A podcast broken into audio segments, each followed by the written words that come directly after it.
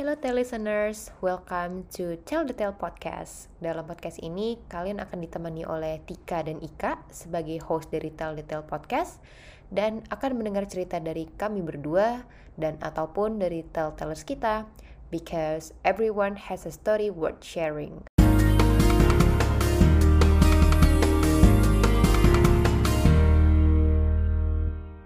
Hai teman-teman listeners, apa kabar? Um, happy banget Mbak Ika ya, kita udah sampai yes. di episode yang gak usah dihitung lah ya, ntar kita nggak tahu yeah. kapan. Iya, benar-benar. Pokoknya episode kesekian lah, Tik ya. Sekian gitu, makanya kita sebutnya kesekian aja. Uh, welcome back dengan aku Tika dan Mbak Ika, dengan yes. tentunya ada tell-tellers kita, berasal hmm. dari negara tetangga ya, sekarang lagi. Salah uh, satu negara tetangga. Yes, betul. betul. Uh, mungkin langsung aja kita sambut. Hai Pandu. Halo Pandu. Halo, hai hai. Hai, apa kabar? Baik, baik sehat. Oke, okay. thank you ya Pandu udah bersedia nih buat kita ajak ngobrol-ngobrol di episode kita di di podcast ya Tell Detail. Uh, jadi mungkin cerita sedikit kali ya Tik ya, uh, apa namanya, jadi Pandu ini memang kita uh, dulu pernah kerja bareng ya Ndu ya, beberapa tahun lalu ya. kita bekerja di satu perusahaan yang sama. Nah sebelum akhirnya Pandu memutuskan untuk uh, pindah nih, uh, pindah nggak cuma pindah perusahaan tapi juga pindah negara nih ya. nah, itu sebenarnya yang iya. kita pengen pengen tahu sih, kita pengen ngobrol-ngobrol uh, soal soal kehidupan Pandu sekarang uh, di okay. negara tetangga itu, uh, tepatnya di Filipina ya, Nu ya? Yes, betul. Filipina kotanya di mana, Nu? Aku tinggal di sebenarnya kalau kita bilang kota orang banyak tahu Metro Manila. Hmm. Tapi okay, okay. lebih spesifiknya aku di Makati. Makati, Makati City. Oke, berarti dari dari ibu kotanya uh, dari Manila tuh nggak nggak jauh ya atau nah, jauh? Sebenarnya ini yang ini yang aku awalnya pun banyak banyak orang bingung dan aku pun okay. awal juga bingung. Jadi sebenarnya Metro Manila itu bisa dibilang seperti Jabodetabek. Ah, oh, okay. jadi kayak kota Tapi, satelit gitu ya? Uh, jadi uh, Manila dan sekitarnya, tetapi Metro Manila ini tidak punya gubernur. Jadi mereka oh. itu okay. dipimpin oleh kayak apa ya? Bukan konsorsium, konsorsium perusahaan. Jadi kayak tiap-tiap city, tiap-tiap city itu mereka punya kayak uh, apa tuh istilahnya ya? Kayak mereka duduk bareng untuk mendiskus, membahas masalah-masalah atau untuk ngambil keputusan di Metro Manila. Cuman kalau ditanya hmm. tinggalnya di mana, ya Manila gitu ya biar gampang ya. Ya di Manila biar gampang. Soalnya kalau bilang di Makati, kalau orang tahu Makati itu di daerah mana ya? Sebenarnya sih itu di Metro Manila, itu masih di okay. pusat. Oke. Okay. Oke. Okay. Berarti kalau aku dulu Etik tinggal di mana? Jakarta. Iya. iya. nyebut nyebut Tangerang gitu kayak orang uh, oh oke okay, oh berarti luar kota gitu ya. ya mau bilang deket banget kok, cuman lima menit sampai gitu. Cuman ya alamat. gitu. Okay. Tapi boleh boleh cerita nggak sih, Du, apa sih yang mm-hmm. maksudnya um, uh, alasan awal atau uh, kenapa sih pengen memutuskan um, kerja di luar negeri gitu ya? Oke, okay. di... ya jadi sebenarnya sih ya ya kan ya kan kerja aku di tempat di perusahaan yang di Jakarta udah lumayan lama gitu ya. Mm-hmm. Terus kepikiran juga apa ya ini kalau kerja uh, apa sih selanjutnya aku pengen apa ya? Apa yang belum tercapai kayak cita-cita gitu kan. Ya hmm. kalau karir ya pasti selalu ada gitu. Tapi ya kalau karir uh, pengen coba sesuatu yang beda sih sebenarnya. Okay. iseng. Oke. Okay. Ya maksudnya nggak iseng, bukan iseng cari-cari kerja enggak. Emang emang niat mau tidak kerja lah gitu lah ya, ya yes, ya biasa yes. lah ya kerja.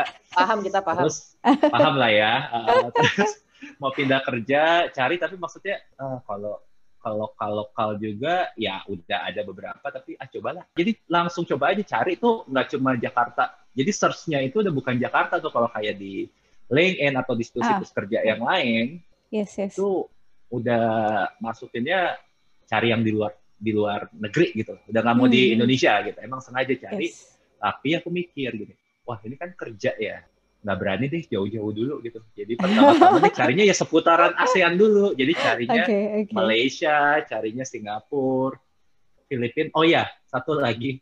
Aku tuh takut sebenarnya. Sejujurnya, aku tuh takut dengan negara yang uh, hurufnya nggak pakai huruf Latin. Oke. Okay.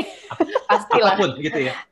Aku tuh iya. maksudnya merasa merasa bukan cuma bahasa ya, bahasa ya itu nggak terlalu lah ya, bahasa okay. takut tapi maksudnya nggak terlalu tapi aku benar-benar merasa terintimidasi kalau ke negara yang hurufnya itu nggak pakai huruf Latin Karena kalau di tempat-tempat umum gitu, jadi nggak bisa tahu ini sign-nya apa betul, nih gitu ya.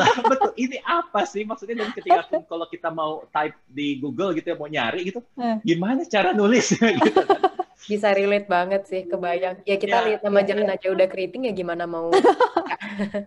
Nah, Benar, benar, Jadi, benar, benar. aku tuh pikir, oke Thailand. Nah, kalau buat aku kan kerja di IT ya, jadi Thailand kan salah Mhm. satu eh, sekarang juga salah satu negara ya IT-nya cukup maju, banyak perusahaan-perusahaan internasional juga masuk ke sana. Thailand nggak deh karena hurufnya hurufnya huruf sendiri gitu kan. Iya, iya. ya makanya aku jadi terus nggak mau jauh-jauh juga ya udahlah coba ASEAN. Sempat mau mikir Australia. Waduh tapi aku mikir Australia hmm, nggak terlalu jauh tapi kok kayaknya mahal gitu. Maksudnya aku jadi mikir-mikir serius nggak nih? Jadi nggak nggak benar-benar mantep dulu gitu loh. Jadi masih Iya, iya. ragu-ragu mau pergi apa enggak tuh. Wah kalau kenapa-napa cari deh yang yang bisa baliknya cepet. Ya udah. Terus akhirnya masuklah negara-negara yang berhuruf-huruf Latin dan Filipina salah satunya Oke. Pas pas Iya, iya. proses sempat ada yang udah dapet offer juga nggak yang dari negara lain atau gimana? Ah, sebenarnya ada jadi sebenarnya eh, eh, aku ada dua jadi pilihannya waktu itu ke Filipina sama ke Malaysia Hmm. sebenarnya Hmm. kalau mau dipik mau dilihat secara job desk dan secara kompetensi aku Hmm, hmm. yang di Malaysia ini sebenarnya lebih cocok lebih relate dan Oke. maksudnya lebih lebih apa ya lebih dekat lah gitu loh jadi Iya, iya. eh, gapnya nggak terlalu jauh. Kenapa aku mau milih Filipina? Salah satunya alasan yang paling gampang adalah karena dia nawarin duluan. Itu aja sih. Oke. Ini kembali ke itu. pertimbangan kalau kita nunggu ini ya, eh, offering ya. Ah, sebenarnya ya karena dia nawarin duluan, ya sudah gitu. Bukan karena nggak karena offering, ya nggak karena gajinya, nggak karena fasilitas, ya sama aja gitu. Cuma karena aku Ya, bingung ya. Apa ya mau pilih yang mana, ya udahlah yang duluan aja deh dia duluan. Yes. Tapi aku agak penasaran deh, ketika memang proses apply apply ke negara lain itu banyak yang keproses juga nggak sih? Maksudnya gini, eh, mungkin banyak juga nih teman-teman listeners di luar sana yang gue juga penasaran apa pengen coba eh, Hmm, kerja apply. pengalaman bener nggak di nggak di Indonesia gitu. Cuman Hmm. kok kebayang, ya emang profil CV kita bisa kelihatan ya, misalnya dibandingin Mhm. em, ya di mana pun kan mungkin orang ada preference untuk hire yang lokal ya. Mungkin kalau Yes. untuk skills tertentu memang wah ini skills misalnya kita mau hire apa gitu di Indo, ini skillsnya agak jarang nih, makanya kita coba lihat dari negara lain gitu. Cuman in general sebenarnya gimana kemarin lumayan banyak juga yang keproses atau gimana? secara proses lumayan loh. Maksudku ya untuk perusahaan luar ya mungkin aku apply apply secara ya udah sekarang zaman sekarang mah tinggal klik klik klik klik klik send send send send, copy gitu ya tinggal edit edit edit Semudah gitu itu lah ya. ya. Heeh. Ya mungkin sekitar dari berapa ya? 15 apply kali ya? Hmm. Hmm. Sekitar 4 sampai 5 itu eh, serius maksudnya sampai kita eh, interview loh. Aku sampai interview sampai Oh. ada 5. Oh, 30% ya 5 berarti ya? sampai 6. Ya, cukup besar kan Hmm, maksudnya dari yes, sekitar yes. 15 lebih kurang 15 klik 15 ya. Itu yang ke proses lumayan banyak loh. Sekalipun ya akhirnya yang lolos yang maksudnya sampai benar-benar offering sih cuma dua ya. Tapi maksudnya Hmm, hmm. Bisa kok gitu. Kita kita kadang-kadang mikirkan aduh, ya tadi itu kan banyak yang dan mungkin kita pikir aduh kesaring nggak ya? Aduh kok kayaknya kita Hmm, hmm. gimana gimana gimana gitu ya. Kayak udah nggak confident duluan ya. ah, ah, ah, ah, ah, ah, coba aja gitu. Aku sih bilang coba aja. Toh lumayan gitu loh. 4 5 sampai benar-benar interview gitu. Hmm. Iya, iya. Oke oke. Tapi ngaruh juga sama experience skills-nya nggak sih? Eh, mungkin kan di masing-masing industri atau mungkin masing-masing skills experience juga akan berbeda ya dari Hmm. demand-nya juga gitu. Tapi dari Pandu sendiri memang ada skills yang disiapin kayak oh gue tahu nih kalau skills gue mungkin ditaruh ke negara lain akan lebih kepake misalnya atau sama. Ah, oh iya iya kalau itu pasti. Jadi memang eh, aku memang ada beberapa certification ya kan. Kalau kita di IT kan dihargai banget kan kayak berdasarkan sertifikasinya sama experience Yes. pastilah di mana-mana apa pun. Hmm, Tapi yang hmm. kedua karena aku di IT memang aku punya beberapa aku punya dua sertifikasi Hmm. yang pada saat itu kira-kira tiga tahun empat tahun yang lalu itu masih nggak terlalu banyak. Jadi memang mungkin nilai jualnya di situ juga ya. Hmm, hmm. Ya ya. Ya, ya. Tuh teman-teman di luar sana nggak tiba-tiba apply terus kepanggil ya. tetap ya ada modal-modal tetap. Ada iya ada, ada ada proses juga ya pasti. Jadi kesempatan selalu ada, itu jangan lupa yes. juga. Jadi tetap harus confident betul, juga betul. ya. Iya iya iya iya coba aja sih coba gitu toh aku rasa ya zaman sekarang hmm, ya selama maksudnya kita lihat lah ya kualifikasi yang dia mau apa hmm. kita kita rasa ya bukan gitu ya kita tahu lah kita punya kenapa enggak gitu hmm. yes. kenapa enggak tapi uh, mungkin uh, akhirnya pertanyaan, pertanyaan berikutnya nih ya karena uh, hmm. aku juga suka kepikiran gitu uh, kalau kerja di luar negeri ribet nggak sih nu awalnya ngurus-ngurus kayak work permitnya hmm. gitu-gitu oke okay, nah ini juga uh, aku juga pernah ada temanku yang tanya kan hmm, jadi hmm. Uh, ini sebenarnya balik lagi ke masing-masing perusahaan. Nah, okay. kebetulan perusahaanku di sini uh, yang hire cukup cukup besar lah ya.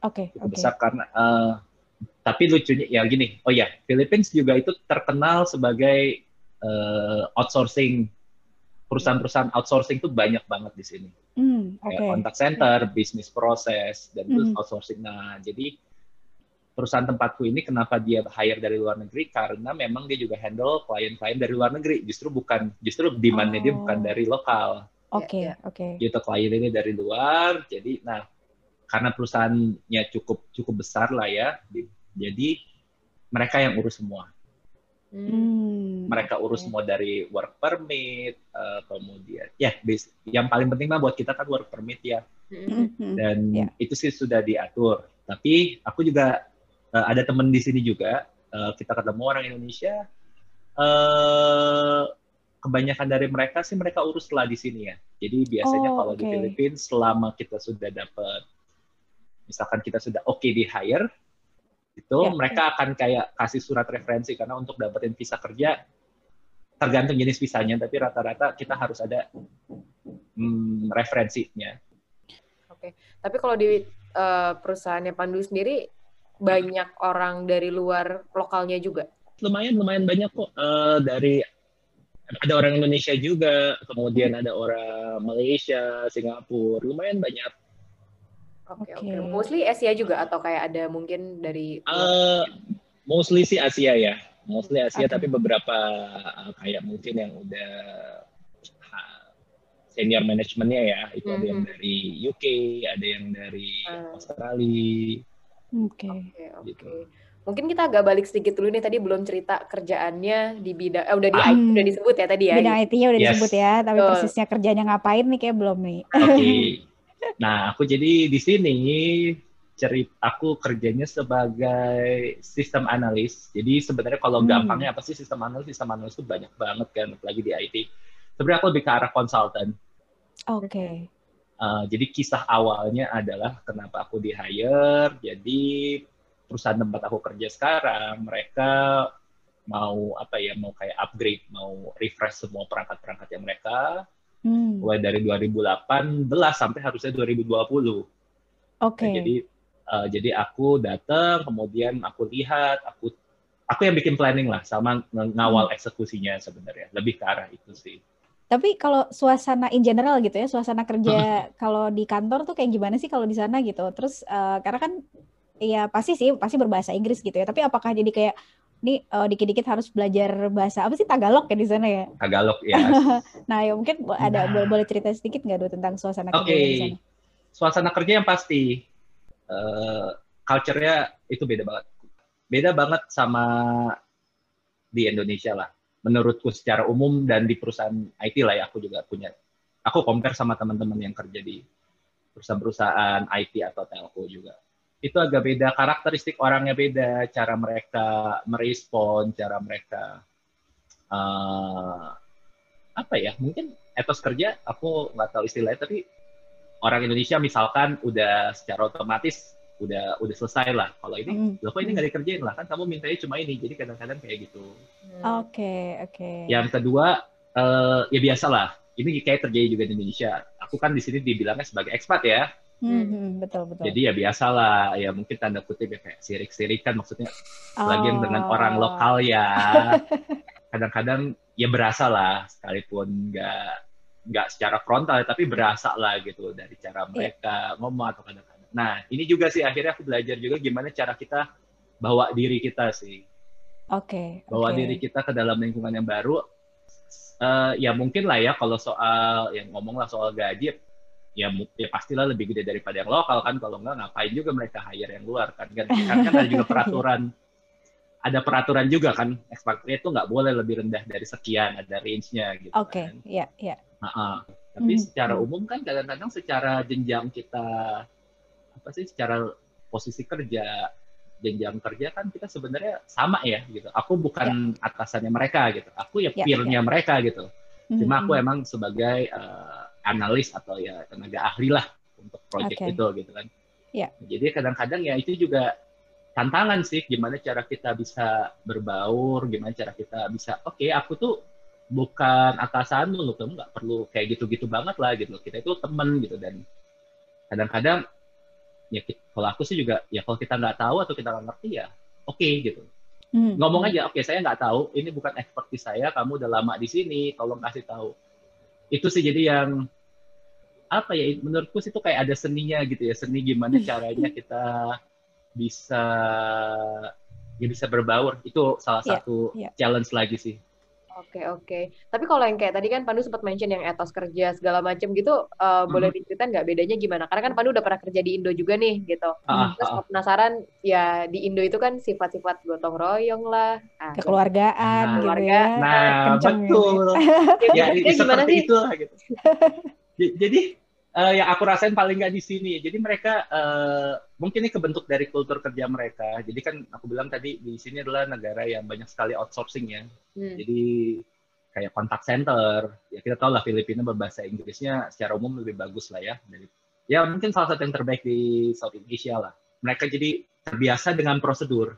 Mereka sudah dikasih ya kalau uh, A ya A, B ya B. Jadi mereka nggak biasa untuk apa ya pelanggar prosedur lah. Semua sudah ada sudah sudah dibuat aturan-aturannya. Sedangkan kalau di kita biasanya kan orang Indonesia aja ada buku manual kita beli sesuatu nggak dibaca kan. Pasti buka dulu barangnya oprek dulu ketika bingung baru buka buku manual. Itu kan habitnya orang Indonesia kan. Ya iya jadi ya uh, yang bedanya ya aku lihat gitu. Jadi kalau tadi aku bilang kalau mereka kita minta sesuatu mintanya harus agak detail. Hmm. jadi jangan ya awal-awal aku berasumsi ah udahlah minta minta report ini atau minta informasi tentang ini atau tolong kerjain yang ini. Biasanya kalau kita di Indonesia udah lengkap tuh dapatlah semua yang kita mau. Tapi kalau di sini orang-orangnya teman-temanku yang lokal mereka harus cukup detail. Jadi saya minta A B C. Nanti mereka tapi mereka kasih A B C. Tapi kalau kita bilang minta A ya padahal kita sebenarnya perlu BC tapi kita asumsi kita BC kalau di Indonesia dikerjain itu ya jangan berharap lah. Kita akan terima hasil kayak gitu. Satu. Okay. yang kedua aku nggak tahu apakah ini berlaku di tempatku saja tadi. Aku mempunyai yang gotong royong dan kekeluargaan. Jadi di sini adalah ketika mereka selesai ya bukan. Ketika ya budayanya tenggo lah, benar-benar tenggo gitu. Hmm. Sedangkan aku inget banget gitu, aku punya pengalaman yang yang menurutku bagus, ya menyenangkan sih ya di di tempatku yang waktu di Jakarta. Aku inget banget kita punya case. Jadi aku waktu itu kan uh, ya aku punya tim lah ya. Aku jadi kita punya case sudah eskalasi sampai ke aku. Aku turun tangan langsung, kita selesaiin masalah itu. Nah, itu itu kejadian sekitar jam 3 sampai ya sekitar jam 3 atau jam 4 lah. Jadi shiftnya udah waktunya shift tukar. Mm, mm. Yang shift pagi, mereka udah escalate, mereka sudah waktunya mereka handover ke shift yang sore kalau nggak salah. Mm. Kita cuma dua shift. Aku udah aku udah in charge, aku udah turun tangan. Tapi orang yang shift pagi dia nggak pulang loh. dia nggak pulang, Enak maksudnya ya? dia tetap di situ. uh, orang yang shift sore sudah datang gitu. Maksudnya iya, iya. secara secara hak ini ya silahkan pulang toh yeah. udah escalate ini sudah di luar kemampuan dan di luar apa responsibility udah nggak ada lah ah hmm, responsibility hmm. juga udah bukan hmm. punya dia lagi udah udah sampai ke aku dan memang aku lagi uh, kerjain itu gitu. Tapi dia yang shift pagi ini tetap gitu mas ada yang bisa dibantu lagi nggak? Yang shift uh-huh. pagi loh ada yang shift sore sudah datang ya shift sore juga duduk ya kita duduknya barengan lah. Kita yeah, kan biar yeah. kita lihat semua gitu biar belajar itu sih yang aku ingat dan itu terjadi berulang kali gitu ya. Ketika ada problem pasti kita akan stay di situ sampai ya tapi kalau di sini ya enggak udah selesai shift ya pulang pulang gitu. Tapi sekali lagi ini nggak salah ya, maksudnya ya, Iya, memang iya, iya. eh, maksudnya jadi eh, banyak juga kan orang mikir ah dia mah males, banyak orang mikir nggak mau belajar, nggak mau eh, apa sih, nggak mau lebih gitu ya. Tapi menurutku Yes. ini nggak salah gitu kan, karena memang dia tanda kutip kalau kita mau ngomong uang lah ya perusahaan bayar Hmm. dia untuk kerja dari jam segini jam segini dan tanggung jawabnya dia hanya segitu ya sudah nggak masalah gitu Iya. itu Ya, benar ibaratnya kayak salah. we give what we give what we take gitu ya. Jadi kayak Yap. eh, Betul. sesuai antara yang kita dapat sama yang kita kontribusikan gitu Yes, kan kurang betul lebih. betul Ya, ya, ya. betul dan itu nggak salah tapi ya itu kaget lah gitu ya maksudnya nggak nggak kaget sih tapi ya oh ya sudah nggak nggak salah juga nggak ada yang salah dengan itu gitu Mhm, mhm. Ya, kadang nyari titik tengahnya antara harus extra miles, tapi juga em, tetap ngerjain sesuai porsinya kita. Iya, titik tengahnya challenge aja mungkin untuk dicari ya pada akhirnya ya. Dan balik ke Yes. preferensi orang juga kali ya, sama culture Betul, perusahaan betul. pasti pengaruh ya. Tap- Tapi kalau secara umum nih, Du gitu ya, pasti kan kalau orang kan denger, wah kerjanya di luar negeri gitu, pasti enak banget. Terus tadi mungkin sebenarnya Padu udah mention juga ya gitu, kan eh, apa ya bayangan orang langsung, oh pasti gajinya gede gitu karena ekspatriat, terus hidupnya enak gitu kan. Eh, bener gak sih? Maksudnya persepsi-persepsi itu tuh bener gak sih di dialami Pandu? hmm enak atau enggak aku sih sekarang sih menikmati lah ya pastinya ya Oke. Menikmati. maksudnya aku enjoy dengan hidup yang sekarang gitu ya. Aha, tapi eh it- buat aku sih itu balik lagi balik lagi ke orang ke personal masing-masing orang ya kalau kayak Hmm. enak atau enggaknya gitu eh enak nggak enak sih enaknya ya tadi nggak enaknya kadang-kadang karena aku tinggal di sini kan sendiri ya jadi ya ya kadang-kadang bosen kadang-kadang Hmm. sepi kadang-kadang ya kalau lagi males ya udah gitu jadi kalau tinggal di Jakarta lah ya banyak teman lingkungannya Iya, udah iya, settle udah jadi gitu kan. Kalau misalkan males tinggal eh ke sini yuk eh ke sana yuk eh ke sini nah kalau di sini mau main sama siapa gitu kan. Rata-rata teman-teman juga yang lokal punya keluarga sendiri yang yang sama-sama ekspat juga biasa udah senior senior punya keluarga sendiri Mhm, mhm. ya ya gitu sih Ya, ya. Kalau orang Indonya banyak gak sih di sana? ternyata banyak bukan di perusahaanku ya maksudnya Iya, iya, aku in- akhirnya ketemu general. komunitas ternyata banyak Oh, Ternyata oke, banyak. Ternyata banyak. Aku selalu surprise kalau lagi ngobrol sama yang kerja di luar kayak gini, kayak episode sebelumnya, Aha. ya ternyata banyak orang Indo gitu yang kerja. banyak Karena banyak kita di Indonesia juga udah padat. ternyata di Iya, ternyata tapi di negara-negara lain ada juga gitu ya. Iya, iya. Dan maksudnya Filipina kan, em, ya misalnya kalau kayak Indonesia sih, kalau aku mikirnya paling banyak kedengerannya, misalnya either ke Singapura atau ke KL gitu ya, Malaysia yang memang Hmm. mungkin eh, lebih ke top of mind ya gitu. Cuman Filipina aja juga ternyata lumayan banyak berarti ya. lumayan ya cukup banyak cukup banyak cukup banyak komunitas Indonesia yang cukup banyak Oke. yang yang ketahuan termasuk yang maksudnya mereka emang kan biasa lah ya di mana-mana ada kayak diaspora dan segala macam ya Hmm, hmm, hmm. baik ya itu ya yang terdaftar pun lumayan banyak di diaspora grup dan segala macam tapi kalau misalkan kita yang males lah ya udahlah gitu kayak aku sebenarnya kan Hmm. termasuk orang yang males ikut begitu begitu ya yang males tapi kumpul-kumpul ya. ketemu ketemu ah, ya yang males ya kumpul-kumpul gitu terus sama oh ya aku awal-awal malah sebenarnya berusaha untuk tidak bergaul dengan orang Indonesia Hmm. Oh, oke. ah ah, jadi eh, ya aku share lah ini sih aku dapat dari papaku gitu papaku Eh, dulu pernah eh. sekolah di luar negeri juga jadi dia bilang kalau kamu mau pinter mah ini tapi konteksnya sekolah sih waktu itu ya. kalau kamu mau Iya. pinter mah ngapain kamu gaul sama orang Indonesia Indonesia lagi kamu gaul sama orang sana lah Dan aku- karena aku lagi nggak sekolah gitu aku ke bawah aku sempat berpikir kayak gini, paling nggak setahun pertama tuh aku kayak nggak nggak nyari orang Indonesia gitu malah Ya. ya secukupnya aja gitu loh jadi malah cari sama orang lokal biar tahu biar tahu culture dan biar tahu cara mereka gaul cara mereka bertingkah laku Hmm. Sepakat sih kalau ini ya, Iya. Tik ya. Ah. Sebagai yang kita tidak bertemu. sebagai yang Iya. kita pe- pernah tinggal di luar negeri juga karena itu betul sih maksudnya dengan kita kenal banyak lokal kan jadi selain networking juga ya dan kita jadi lebih cepat untuk belajar oh culture mereka tuh kayak gini gitu ya Bener-bener. Dan dan kadang ini sih, em, ya keluar dari zona nyaman kan ya semua orang bilang tau lah, ya susah gitu kan kadang. Dan kadang kalau emang udah kumpul sama orang Indo itu, ya senyaman itu gitu. Bareng. Misalnya dulu aku kalau nggak ada mereka ya belajarnya gimana caranya gitu atau nggak ada tempat yang lain gitu. Cuman ya emang tadi sih jadi memang mungkin ada beberapa part yang emang harus dipush kalau memang punya tujuan lain untuk bisa explore gitu. Jadi ya bukan berarti nutup diri juga sama orang Indo kan Betul. sebenarnya tapi Ya, ya di kesempatan ini gue lagi mau cari um, kesempatan belajar dengan culture yang lain lah gitu ya. Dan ini juga loh, dengan kita gaul sama lokal, itu kayak menurutku ya, kesempatan kita untuk survive lebih tinggi loh. Setuju Iya sih. sih? Ya, karena mereka kan- ya karena mereka sudah di sini, sudah berpuluh-puluh tahun dan berkeluarga, jadi cara Iya. mereka hidup, kalau kita bisa ikutin, kemungkinan chance kita untuk untuk bertahan hidup akan lebih besar kan Iya, dibandingkan iya. dengan kita dengan culture kita sendiri. Bener, bener, bener. Tapi di sana kalau kayak belanja-belanja groceries atau ke restoran gitu, eh, bahasa jadi kendala nggak sih, Duh? Maksudnya apa apa memang secara umum di Makati eh, mereka oke dengan Iya. berbahasa Inggris? Oke, kalau di Makati pastinya iya, karena Hmm, jadi hmm. di sini ada tiga bisnis distrik, Makati, BGC, itu BGC, BGC, Mhm. sama Ortigas. Nah, kalau di lingkungan itu sih, khususnya di Makati sama BGC itu bahasa Inggris sih udah sudah default lah. Oh, semua oke. semua orang mulai ya penjaga toko bahkan mungkin sampai eh, satpam atau Hmm. janitor pun mereka bisa berbahasa Oh, Inggris Wow. cukup baik cukup baik Oke, cukup oke. baik. Eh, tap- tapi juga nggak di sini nggak terlalu masalah sih karena Hmm, banyak hmm. instruksi-instruksi sekarang mereka buat dalam bahasa Inggris Oh, Oke, termasuk Ah. sign-sign di kayak public transport gitu-gitu ya. betul public Hmm. transport bahkan di jalan kayak eh, road sign gitu ya itu Hmm. mereka buat dalam bahasa Inggris Oh, oke, di oke. jalan-jalan besar. Aha. Tapi permasalahannya adalah aku di sini terlihat seperti orang lokal. Jadi itu advantage atau justru disadvantage? Pertanyaan bagus.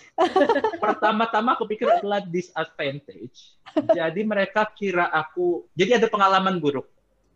Buruk Oke. ya. Jadi tanda kutip, eh, aku sempat dikira sombong karena nggak mau ngomong bahasa Tagalog. Oke. Ya, ya, jadi mereka kayak agak terlalu nyaman dan agak-agak agak-agak ya ketahuan lah gitu ya, agak nolak. Terus ketika aku bilang saya dari Indonesia, dan mereka Oke. langsung ngomong bahasa Inggris dan cukup antusias gitu loh. Oh, Oke, ya, ya, ya, ya. Jadi bukan berarti karena mereka nggak mau ngomong bahasa Inggris, karena kalau mereka nggak ngomong bahasa Inggris, kalau mereka tahu, ya mereka ya udah diam aja gitu kan, karena mereka malas ngomong bahasa Inggris misalnya. Tapi Iya, iya. setelah mereka tahu saya orang Indonesia, saya bukan di sini, saya uh, baru datang lah gitu ya, dan mereka antusias gitu ngomong. Oh, oke. Ah, jadi- Ya, ya. Tapi ada juga keuntungannya sekarang adalah karena aku terlihat seperti orang lokal, pernah waktu itu ada kayak pemeriksaan-pemeriksaan, aku lupa pemeriksaan. Waktu itu sempat ada kasus di sini gitu ya. Jadi ada Mhm. eh, masalah dengan di Makati kan juga banyak eh, apa namanya banyak banyak tenaga kerja asing ya, banyak ekspat juga. Mhm, Jadi pernah ada mhm. masalah gitu dengan imigrasi. Jadi mereka Oke. razia atau mereka cek-cek segala macam. Mhm. Ya mereka razia lah. Nah, karena aku tuh seperti orang lokal dan aku diam aja. Jadi ketika aku antrian, aku disuruh lewat. Jadi mereka kalau itu sih ah itu advantage. ya betul. Jadi aku suruh lewat. Makanya dan disuruh cepat gitu karena aku pikir kan aku merasa eh, aku bukan eh, bukan apa bukan warga negara gitu kan bukan Hmm. Filipino jadi aku ikut ngantri pelan-pelan untuk nunggu giliran yang ke sana kan ternyata Eh. disuruh lewat, "Eh, lewat sini oh oke thank you Jadi, ya ampun Jadi itu terjadi ya sebenarnya. Maksudnya eh, tetap eh, orang menilai dari appearance dulu pada akhirnya ya. betul betul betul Iya, iya, iya, iya. oke tapi akhirnya kalau- balik lagi hmm, yang Lanjut, pas dari disadvantage tadi Mhm. akhirnya aku ya gimana ya cara gimana caranya merubah disadvantage itu jadi advantage kan Mhm. ya Mhm. Akhirnya ya sekarang yang aku lakukan adalah aku belajar bahasa Tagalog akhirnya dan lumayan gitu. Oh, oke. Dan itu- Iya, iya, iya. itu works gitu lumayan lah. Dan mereka akan tahu aku bukan orang lokal ketika kita sama-sama bingung. Kok nggak nyambung lama-lama? Ya kok ditanyanya mau ke mana saya jawabnya saya sudah makan kayak gitu misalnya Oke oke. Ini sih tadi apa aku mau nanya Ah. kalau misalnya em, lebih kayak suasana kotanya, neighbornya gitu. Gimana kalau di sana? Em, kan ya kalau kita orang yang kerja di Indo itu kan masalah macet dan lain-lain tuh yang paling common lah gitu. Nah mungkin kalau masalah di sana segimana nyamannya di kotanya boleh diceritain nggak? macet mah sama tapi kayak menurutku lebih stressful di Jakarta ya Benar. Tetap ya. tetap eh tetap tetap karena di sini itu semacet-macetnya orang lebih teratur. Hmm. Oh, oke. Ya, Oke. ya orang lebih teratur dalam berkendara jadi mereka jarang tuh lagi macet-macetan pindah kiri kanan kiri kanan kiri kanan kiri kanan. Oke. Jadi Hmm. relatif lebih lebih teratur dan kalau suasana kotanya menurutku sih ini ya di kotanya sih lebih oke dan aku suka orangnya. Hmm, Uh, oke. attitude orangnya jadi yang aku suka adalah pertama kali aku benar-benar kaget gitu ya benar-benar kagum lah bisa dibilang. Jadi pada saat jam pulang itu ada halte-halte mereka nunggu di halte dan mereka secara otomatis mereka akan bikin barisan kayak ular sendiri gitu kayak kita mau masuk ke Dufan bikin wahana gitu itu Oh. otomatis itu Oke. otomatis dan mereka akan nunggu dan itu panjang banget Wow. Oke. ketika panjang oke. mereka akan belok sendiri jadi mereka apa ya kalau Setertib aku itu ingat ya. setertib itu nggak ada orang yang nggak ada orang yang ngatur nggak ada polisi atau nggak ada apa-apa. Hmm, ada. Yang un- untuk mengatur orang yang mau naik bus ya. Mereka baru rebutan ketika busnya datang pintunya dibuka baru itu pada dorong-dorongan. I- itu brutalnya di situ. Tapi kan kalau aku ingat ya di Jakarta seingatku terakhir adalah ketika ada bis datang orang haltenya di sini orang nunggunya kira-kira udah 50 meter sebelum di halte kan Sangat kompetitif ya. Iya kan, bisnya datang orangnya lari yang nggak 50 meter itu kan. Sehingga Iya, tuh kan iya, kayak gitu. Kalau ini nggak, a- a- aku kagumnya di situ, apa pun gitu. Jadi mereka nguler panjang, bisa panjang dan nggak ada yang nggak ada yang ngatur. Udah kayak Hmm. habit sendiri sih. Itu Ya, ya. oke. Tapi eh, public transport lebih jauh lebih bagus di Jakarta. Masa? Jadi jauh, ya? jauh. Kualitas maksudnya ya, kualitasnya atau yes, kualitasnya. Oh, oke. Ter- Misalkan dari eh, KRL, Mhm. komuter lain, terus bis, eh, ya bis ya kayak Transjakarta dan segala macam ya, Hmm. itu jauh lebih bagus di Jakarta loh. Ah, Oh, oke. Tapi kalau kayak integrasinya gitu gimana kalau di sana? Masa di kita mungkin apalagi kayak MRT gitu karena masih baru juga jadi semuanya masih bagus ya dari segi kualitas ya. Ah, ah, ah. Mungkin kayak komuter lain pun emang bagus sih gitu. Cuman kalau integrasinya gimana kalau di sana? Di sini public transport tidak bagus sama sekali. Ah, Itu Oh. benar-benar kayak nggak terintegrasi sama sekali deh. Kayak misalkan yang MRT di sini kan ada MRT ya kayak MRT Hmm. lelai bukan MRT ya, ya kayak ya kereta gitulah ya ada Ya, kayak ya. kereta untuk nyambungin ke dalam kota-kota gitu. Enggak, Hmm. itu sudah tua, eh, jadwalnya nggak bisa dipegang. Hmm, Ya, aku tahu lah komuter lain suka terlambat lebih Hmm. kurang, tapi masih lebih bisa dipegang.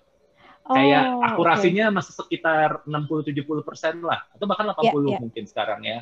Ah. Kalau di sini ya kadang-kadang nggak terlalu, apalagi dan sering rusak atau sering cancel, ya, kayak gitu-gitu lah. tuh. Oh, Mm-mm.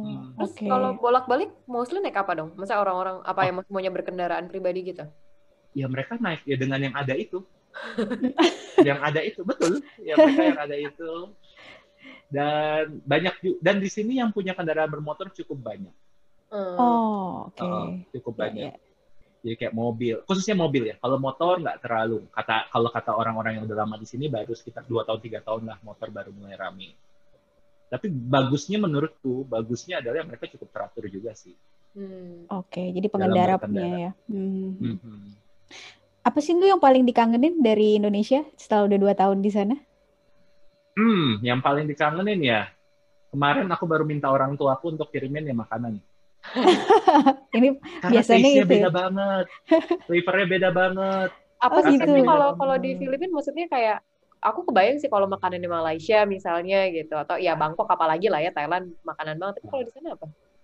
Nah, ini tuh agak aneh gitu. Jadi kalau buat orang Indonesia, di sini tuh kesan pertama aku makan makanan lokal adalah kayak kurang bumbu.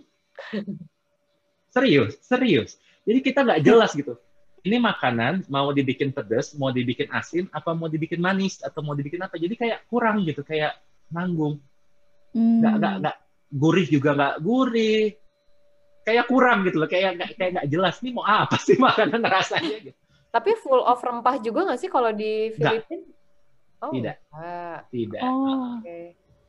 Ya, ya. Soalnya ya kalau Asia kan yang biasanya memang makanannya ada yang khas tetap masih agak dekat dengan rempah ya. Kalau emang Eropa Hmm. gitu-gitu kan udah tasteless tapi emang gak pakai rempah gitu ya. Iya, itu, itu sih itu yang aku pertama kali datang tuh ini aneh ya. Oh ya mereka cenderung sama suka asem, lebih ke asem. Oh oke. Oke. Okay.